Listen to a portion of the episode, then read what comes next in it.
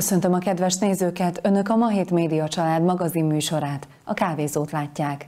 A mögöttünk lévő meteorológiai világnap alkalmából egy olyan debrődi fiatalember történetét és alkotásait ismerhetik meg, aki a természet szépségeit, az időjárás és az asztronómia egyedi képződményeit örökíti meg. Vendégünk Szemán Viktor fényképész, amatőr meteorológus. Szervusz! Üdvözlöm a kedves nézőket! Előjáróban talán annyit, hogy te a Komáromi Seje János Egyetemen szereztél matematika-informatika szakon diplomát, és ugye ez is alátámasztja azt, hogy talán a természettudományi ág az, ami hozzád közelebb áll, de azért a matematika mégsem meteorológia, és nem is művészeti ág, mint a fényképészet vagy a mozgóképek világa. Itt tehát adódik a kérdés, hogy honnan jön ez a hobbi, illetve hogy mi volt korábban a villámképződés, vagy a felhők iránt érdeklődés, vagy az, hogy fényképezőgépet vettél a kezedbe. Ugye kiskoromtól érdekeltek a különböző természeti jelenségek így a meteorológia. És főleg itt is az ivatarok érdekeltek, kicsi voltam, dörgött, villámlott, tehát az ablakba bámészkodtam, hogy jön a vihar, milyen szép. Ezeknek a dolgoknak utána néztem, vettem könyvet, interneten utána néztem, olvastam, és elkezdtem magam fejleszteni ebbe a témában, és meg szerettem volna tanulni a felhőknek a neveit. És ehhez az volt a legjobb módszer, hogyha veszek egy fényképezőgépet. És hogy megvettem a fényképezőgépet, elkezdtem fényképezni a felhőket. Így megtanultam a felhőknek a latin neveit. És ugye, amikor ezzel megvoltam, akkor jött a nagyobb kihívás, hát akkor fényképezünk villámot is. Először ezt úgy sikerült elérnem, hogy, hogy reflexből megpróbáltam eh, elkapni a villámot, ez sikerült is. És ezen felbuzdulva láttam neki aztán a következő zivatárnal, hogy ismét fényképezzek. Tehát fel voltam buzdulva, lelkes voltam, és akkor így kezdődött ez az egész. Azt hiszem fel is keltettük a nézők érdeklődését, de még mielőtt beszélnénk róla, mutassuk meg, milyen felvételekről van szó.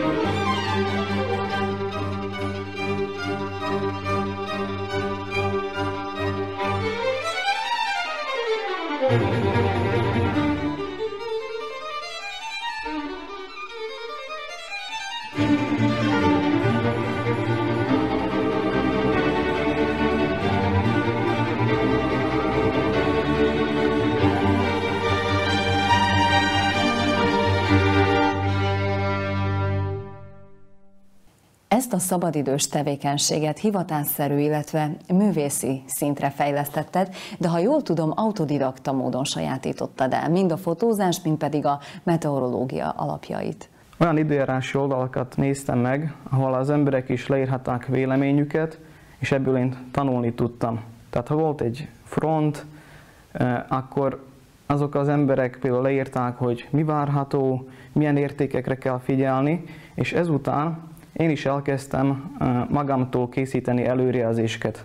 Tehát figyeltem a modelleknek a, a friss számításait, ezáltal nekem is könnyebb volt így fényképezni, mivel tudtam, hogy mely irányból fog érkezni az ivatar, milyen típusú zivatarra számíthatok, milyen erős lesz az az ivatar.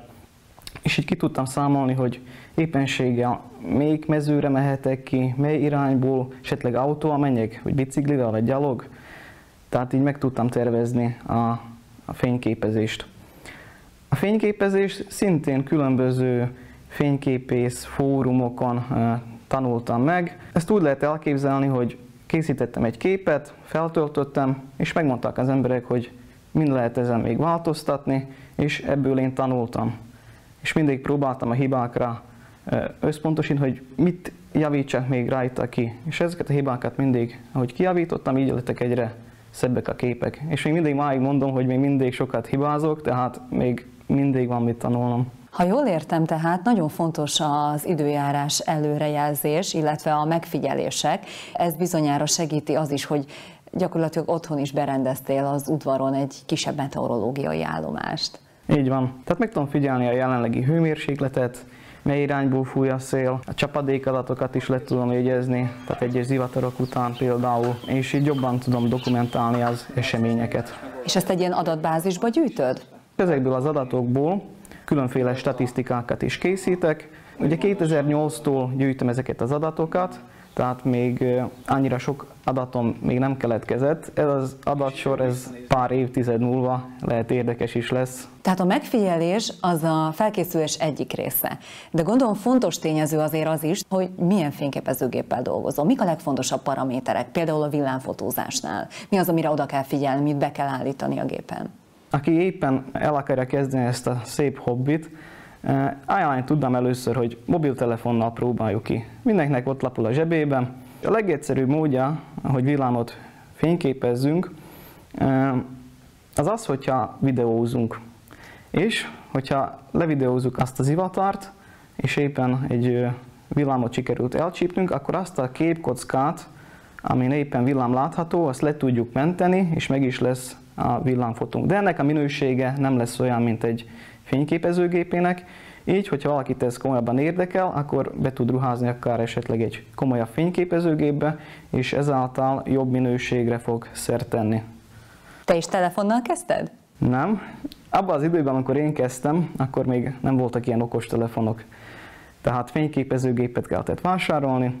Azért is kezdtem el úgy először fényképezni, hogy reflexből. És hogy tovább olvastam az interneten, hogy hogyan is lehetne még villámot fotózni, akkor jöttem rá, hogy ezt úgy is lehet, hogy ha sorozat képet készítünk, ez azt jelenti, hogy sok képet egymás után készítünk. Nagyon sok kép feleslegbe ment, mert nem volt rajta villám. És ezt úgy tudtam továbbfejleszteni, hogy kiszámoltam, hogy egyes villámlások között hány másodperc telik el. Ezt közben magam fejbe számoltam, és amikor már elérkeztünk oda, akkor előtte elkezdtem sorozat felvételeket készíteni, és ezáltal kevesebb kép keletkezett, és így a memóriakártya nem tört meg olyan hamar. Megvásároltam ezt a villámérzékelőt, ez, hogy érzékeli a villámnak a fényét, akkor elsüti a fényképezőgépnek az exponáló gombot. Ez az érzékelő, hát körülbelül ilyen 80%-ban fogja meg a villámokat, Főleg azokat a villámokat nem kapom el ezzel, amelyek nagyon rövid, rövid idő alatt történik meg, mert ugye a villámoknak is van több fajtája. Valami nagyon gyorsan végbe megy, vannak olyan villámok, amik kicsit hosszabbak. Szerencsére főleg a nagyobb villámok hosszabb ideig tartanak, így a, ezeket a villámokat sikeresen el tudom kapni. Az ilyen elkötelezett embereket villámfogóknak is szokták nevezni. Volt-e veszélyes helyzet? Olyan, amikor tényleg közel csapott le az a villám? Én mindig azt mondom, hogy törekedni kell arra, hogy biztonságban hazaérkezzünk. Ezért, hogyha nagyon közel érkezik a vihar, vagy pedig látom, hogy a villámok egyre közelebb csapnak le, akkor vagy autóba ülök, vagy pedig, hogyha nem autóval vagyok, akkor minél előbb hazaindulok. Egy ilyen élményem este volt, ez azért is veszélyes este, mert nem látom pontosan, hogy hol tart az ivatar. Esetleg, hogyha képződik egy új cella, nem látni. És abban az időben, amikor ez történt, akkor még radárképet sem néztem, nem volt akkor még okostelefonom. Nem tudtam, hogy mire készüljek. És volt egy villám, ami egész közel csapott le, és ez a kép sajnos beégett, mert nem számítottam arra, hogy ilyen közel fog lecsapni. Mert ugye egy távolabbi zivatárt fényképeztem, és azok a villámképek jók lettek, csak ugye nem számítottam arra, hogy közben kialakul egy újabb cella, ami közelebb lesz hozzám, és és a közelembe fog lecsapni, hát kb. ilyen 2-300 méterre lehetett a villám. Azért az meredek lehetett. Egyébként most már lehet biztosra menni? Ugye vannak olyan zivatarok, amelyekben a villámok főként a felhőben keletkeznek, és nem mutatják meg magukat. Tehát ebben az esetben csak a villámnak a fényét látjuk, de magát a villámot nem látjuk. Tehát ebben az esetben vannak még ilyen buktatók, igen, hogy kimenjünk, ott az ivatar, szép az ivatar, szép az alakja, de közben meg villámot nem látunk belőle. Ugye többen téged Villám Viktorként is ismernek itt a környéken, pont a villámfotózás iránti szenvedélyet miatt, de azért más is van, amit lencse végre kapsz. Így van. Hát ugye, ha túrázni járok, akkor magammal viszem a fényképezőgépet, és főként ezt a nap felkelte naplementés időszakot kedvelem, mert ilyenek Ilyenkor a színek sokkal szebbek, mint például napközben, amikor hétágra süt a nap. Tehát sok ember azt hiszi, hogy hú, napközben milyen jó képeket lehet készíteni, pedig nem, mert mindig vagy naplemente előtt, naplemente után a legalkalmasabb erre a tájfényképezés. És például a szivárványnak a megörökítése, az mennyire jelent kihívást? Ugye a szivárvány mindig akkor keletkezik, hogyha a nap megvilágítja az esőcseppeket. Legtöbbször ez akkor, amikor éppen átvonul felettünk egy zivatar, tehát ilyenkor meg kell küzdeni esetleg a sárral, és ugye nagyon gyorsan kell kiérkeznünk a, a helyszínre, mert nagyon gyorsan, hogyha tovább áll az az zivatar, akkor eltűnik a szivárvány, tehát nekünk gyorsan reagálni kell erre, hogy, hogy elcsípjük ezt a szép természeti jelenséget. És ami a felhőket illeti, mert ugye a beszélgetésünk legelején említetted, hogy igazából a felhők neveit kezdett tanulni, és így jött ez a fotózás. Így van, ez a kezdeteknél volt. Ilyenkor szinte minden felhőt lefényképeztem, utána átlapoztam a könyveket interneten, és akkor így jobban magamba tudtam szívni az információkat, hogy, hogy éppen mit is láttam, és így meg tudtam könnyen jegyezni őket. Ugye a felhőknek is nagyon sok formájuk vannak, és és hogyha például naplementekor fényképezzük a felhőket, akkor nagyon szép színekbe pompáznak ezek, és hogyha még a táj is, ahol épp fényképezek, szemed gyönyörködtető, akkor ez egy kiváló kép lehet. Ugye utóbbi években már annyira változékony az időjárás itt nálunk is, hogy sokszor olyan jelenségeket láthatunk, amiről korábban csak televízióban vagy híradóban hallhattunk. Én arra kérlek, hogy magyarázd el nekünk ezeket. Én főleg a széllel kapcsolatos jelenségekre gondolok most, illetve a zivatarokkal kapcsolatos jelenségekre, hiszen nyáron itt a környékünkön is voltak olyan zivatarok, amit szupercellaként emlegettek. Miről van szó? Ugye itt még kitérnek arra is, hogy ez nem csak mostanában történt, hanem régen is volt, csak régen még nem volt mindenkinek telefon, fényképezőgép, ugyanúgy előfordultak, ugyanúgy voltak forgószelek, ugyanúgy voltak szupercellák, csak az emberek akkor úgy elkönyvelték, hogy volt egy nagy zivatar és kész. Nem, nem volt ez a híradásokban. Mai világban pedig mindenkinek ott van a telefon, ott van az internet, és akkor, hogyha épp egy nagy viharba kerülnek, akkor ezt egyből felteszik ugye az internetre, és akkor látjuk, hogy hú, milyen nagy viharok vannak mostanában. A szupercellának a kinézete különbözik a többi más zivatorokétól. Ugye ez egy forgó feláramlás, a szupercella, és ezáltal külső formái annyira szemedgyönyörködtetőek, hogy mi, mint ilyen vihárvadászok vagy vihár dokumentálók, ezeket az alkalmakat várjuk. De viszont tudjuk, hogy a másik oldalról, hogy nagyon veszélyesek is, és sok kárt okoznak. Volt olyan szerencséd, ha fogalmazhatok így, hogy forgószelet is lencse végre kaptál? Egyelőre még nem volt szerencsém, pedig ez is ott van nekem a azon a bizonyos listán, amit, amit le kell fotózni, de egyelőre még nem sikerült se tubát, se pedig tornádót fényképeznem. A meteorológiai jelenségek természettudományi hátteréről Kohut Józsefet, a Szlovák Hidrometeorológiai Intézet munkatársát kérdeztük. A villámlás ez egy fizikai jelenség, ez egy légköri elektromos kisülés, amely ugye az ivatarok természetes velejárója. Ez úgy keletkezik, hogy mivel az ivatarfelhőkben igencsak erőteljes fel- és leáramlások uralkodnak, ezért az ott lévő vízcseppek, jégdarabok vagy vízpára egymással surlódnak, ütköznek, ami feszültséget von maga után. mm, és úgynevezett töltés elválasztás keletkezik, ami annyit jelent, hogy a negatív töltésű elektronok a felhő aljában kezdenek gyülekezni, és az ennek ellenkező pozitív töltésű protonok pedig a felhő ellenkező irányában, tehát a tetején gyülekeznek, így, így keletkezik felhőn belül egy bizonyos vonzástér, tehát elektromos tér. Ez ugyanúgy a Föld szint, tehát a Föld szint között és a felhő között is ugyanúgy ez az ellentét megalakul, így a felhő és a földszint között is vonzástér, elektromos tér keletkezik.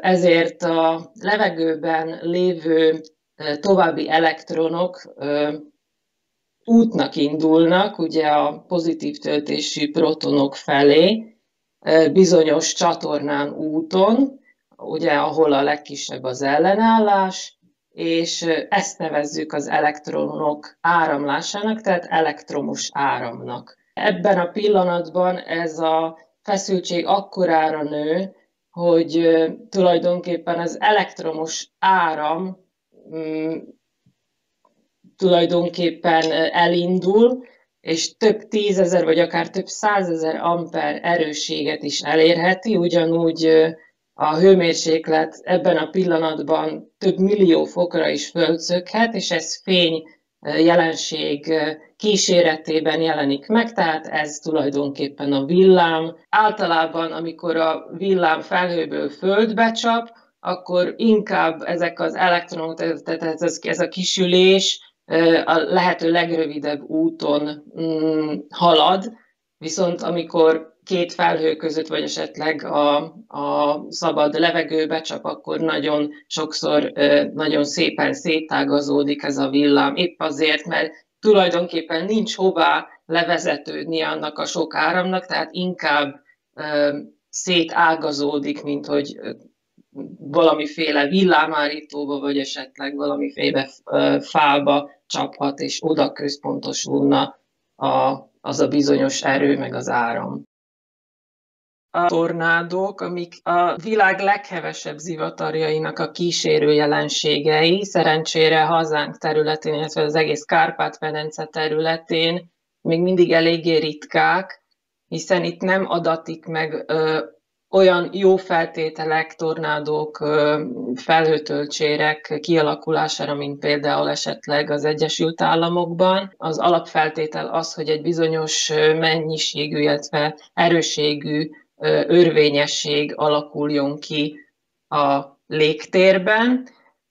Ez előfordulhat akkor, amikor a magasban igen erős széláramlatok vonulnak, vagy esetleg a hegyek mögött, alatt, ugye, mint tudjuk, ott a hegyek eléggé mm, befolyásolják a szélirányt, tehát ott a hegyek alatt eléggé kaotikusak szoktak lenni a széláramlatok, ezért ha ezeken a területeken kialakul valamiféle zivatar, akkor bizonyám úgymond be tudnak forogni, tehát elkezdenek szó szerint forogni ezek a zivatarfelhők, és ha még további örvényességre tesznek szert, akkor bizony ki szoktak alakulni felhőtölcsérek, és sajnos egy-két esetben akár földet is érintnek, és ekkor már bizony szinte kivétel nélkül pusztítanak. Általában egy tornádó két-három percig él, és csak mondjuk néhány száz vagy egy-két kilométer tesz meg, ugyanúgy, ahogy halad az ivatarfelhő, ugyanúgy vele együtt ez a tornádó is, viszont a tornádó belsejében, a tölcsér belsejében igencsak lecsökken a légnyomás, a környező légnyomással ellentétben, ezért még a leggyengébb nullás, egyes fokozatú tornádok is pusztítanak. Ezek egyébként a leggyakoribbak nem csak hazánkban, az egész világon, de még a nullás, egyes fokozatú tornádókban is 150-180 km per órás szél tombol, napkeltekor, illetve napnyugtakor a lehető leghosszabb ö, útvonalat teszi meg a, a az atmoszférán át, amíg eljut a szemünkhöz, és bizony akkor tulajdonképpen abban azon az úton, amit megtesz az a napfény, rengeteg porszem, illetve hát smog, smogon át sejlik ez a, ez a napfény, tehát tulajdonképpen ez a narancsárgás szín, ez a, a por, illetve a légszennyezettségnek köszönhetően jelenik meg. Tehát tulajdonképpen a por által, illetve a légszennyezettség által színesek a napkelték, illetve a napnyugták. A laikusok számára talán a sötétben való fotózás jelenti a legnagyobb kihívást, vagy okozza a legtöbb nehézséget, és talán nem véletlenül. Ez nem éppen így van, mivel éjszaka hosszabb záridőt tudunk használni. Mit jelent ez, hogy hosszabb záridőt tudunk használni? Azt jelenti vegyük például azt, hogy 10 másodpercig tudunk egy képet készíteni. Ezt most példának mondtam. És ez alatt a 10 másodperc alatt, hogyha éppen villámlik, akkor az a fényképünkön rajta lesz. Ezt napközben nem tudjuk megvalósítani, esetleg különböző szűrőkkel tudjuk a záridőt, hosszabb záridőt használni. És éjszaka ezért sokkal könnyebb villámokat fényképezni, emiatt, hogy hosszabb záridőt tudunk használni. Ha már a sötétségnél tartunk, akkor térjünk is át az asztrofotózásra, hiszen ez az, amivel az utóbbi időben elkezdtél foglalkozni. Ilyenkor mire vadászol? Meteorokra, csillagokra? A legtöbb esetben, hogyha éppen meteorhullás van, vagy éppen, ahogy 2020-ban történt, üstökös volt látható, akkor ezekre az égi eseményekre tulajdonképpen én is a csillagok alá kimerészkedek, és elkezdem fotózni ezeket a jelenségeket. És ennek a műfajnak milyen sajátosságai vannak? Ilyenkor mire kell odafigyelni? A meteorok is éppen csak egy másodpercig, hogyha tartanak, tehát jóval tovább tartanak azért, mint a villámok, de nehéz őket lencse végre kapni. A villámoknak tudjuk, hogy körülbelül mély irányból fog érkezni a zivatar, hol, hol kell fényképezni. Meteorológok meg szinte bárhol az ég bármely pontján lehetnek, így nem biztos, hogy éppen azon a ponton fog elhaladni egy meteor, ahol a fényképezőgépünket állítottuk, de hogyha egész este próbálkozunk, és éppen egy meteoraj halad el, akkor könnyen lencse végre kaphatunk. Én a legkönnyebben mm, úgy vettem észre, hogy úgy tudom lefotózni, hogyha hogyha sorozat felvétel állítom a fényképezőgépet, és akkor egész este e, készíti a fényképeket, és így nincs üres járát tulajdonképpen, és már csak abba kell bíznunk, hogy éppen elharadtott egy meteor. És akkor ez azt is jelenti, hogy a végeredmény, tehát a végtermék, a fénykép, az igazából nem egy kattintással megörökített képből áll, hanem az utómunka során több képet úgymond összegyúrsz, hogy abból egy alkotás szülessen? Na most, hogyha olyan képet szeretnénk, amint például több meteor is elhalad, akkor több képből kell nekünk ezt összekovácsolni. De hogyha éppenséggel csak egy meteor, szeretnénk, akkor elég egy kép is. Van még egy olyan technika is, amikor több képet készítünk. Tegyük fel, készítek 30 darab képet, készítek hozzá sötét képeket is, aztán fehér képeket is, és ezeket egy külön erre a célra létrehozott programba, ha összerakjuk, akkor sokkal szebb lesz a minőségnek a képnek. Gondolok erre hogy nem lesz olyan zajos a képünk, tehát nem lesznek ilyen kis szemcsék a képünkön, így sokkal tisztább lesz és szebb. Egyébként ezekben a programokban mit lehet még állítani? Tehát mennyire tér el a nyers fotó, nevezzük most így, a végleges fotótól? A legtöbb fotós RAV képeket készít. Ugye a RAV magyarul annyit jelent, hogy nyers. Ezt a nyers képet, ezt fel kell dolgoznunk. Erre vannak különböző programok, amik erre vannak alkotva, és ezeken a programokon, kereszt, programokon keresztül kell a képünket beállítani, tehát megadni a kontrasztot, világos, milyen világos legyen, a az mennyire húzzuk ki, és rengeteg-rengeteg ilyen beállítás van, amivel a képünket szebbé tudjuk varázsolni. A te felvételeid csak itt a környéken készülnek? Vagy egyébként volt már olyan, hogy elmentél messzebb is, tehát kifejezetten a fényképezés miatt utaztál, a tájképek miatt, mert mondjuk előre megnézted meteorológiai előrejelzések alapján, hogy egy bizonyos helyen érdekes jelenség lehet, és akkor ezt meg akarod örökíteni. Én főleg Debrődön tevékenykedem, tehát nem utazom el külön azért, hogy most valahol egy, egy szép zivatert uh, elkapjak. Erre vannak a vihárvadászok, akik külön erre a célra utaznak el, hogy villámokat, esetleg zivatarokat dokumentáljanak. Én csak Debrődön, vagy éppen ahol tartózkodom, ott űzöm ezt a kis hobbit. És melyek a legemlékezetesebb emlékeid? Emelj ki egyet egy olyan élményt, ami megmaradt hosszú évek során? Volt egy villám, ami, hát mondhatjuk úgy, hogy tankönyvi példa. Nagyon szépen szerteágazó, csapadékmező előcsap le, és nagyjából így naplemente környékén csítem el ezt a villámot. Azért ilyen kedves számomra, mert még mindig ez az eddigi legszebb villám, amit lefényképezhettem. És ennek már azt hiszem, hogy 6-7 éve is van, úgyhogy még várni kell a következő ilyen tökéletes villámra. Viszont a közönség már láthatta alkotásaidat. Milyen kiállításod volt, illetve milyen esetleg újságok vagy szakirodalom dolgozik veled együtt, vagy, vagy milyen pályázatokon vehettél már részt és arattál sikereket?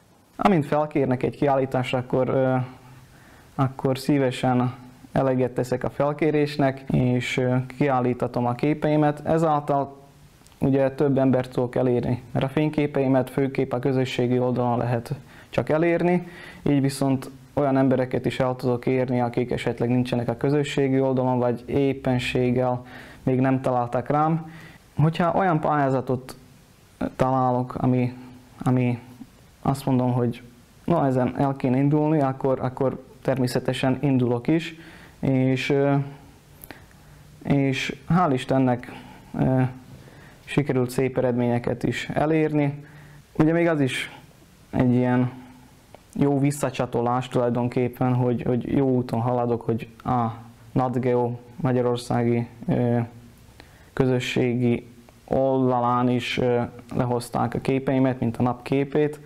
Ennek nagyon tudok örülni, jól esik az embernek, mert tudja, hogy valamit jót csinál, és jól csinálja azt.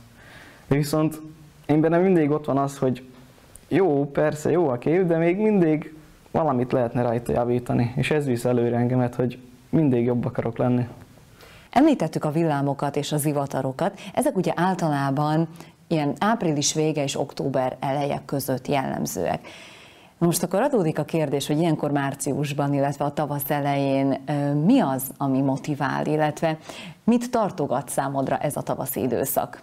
Ilyenkor már örömmel látom az első gomoly felhőket, mert ezek jelentik azt, hogy már közelednek a zivatarok is, közel vagyunk a zivatar szezonhoz, és ilyenkor már felelkesedik az ember, hogy végre kimozdulhat és villámokat fényképezzen. Többször elhangzott, hogy ez a fényképezés, ez egy hobbi, így ha elárulhatod, akkor azért minket érdekelne, hogy miből tudod ezt a szenvedélyet támogatni. A Szepsi Magyar Tannyelvű Alapiskola tanára vagyok, informatika és matematika szakos tanár, és emellett tudom ezt a szép hobbit űzni, és ezzel a diákokat is kicsit tudom motiválni, mert ők is látják az interneten, hogy milyen képeket készítettem, és ez így jól esik nekem is, hogy esetleg kicsit tudom őket motiválni. Köszönjük szépen a beszélgetést, és a továbbiakban sok sikert kívánunk. Nagyon szépen köszönöm, köszönöm a meghívást. A nézőknek pedig, hogy velünk tartottak. A viszontlátásra!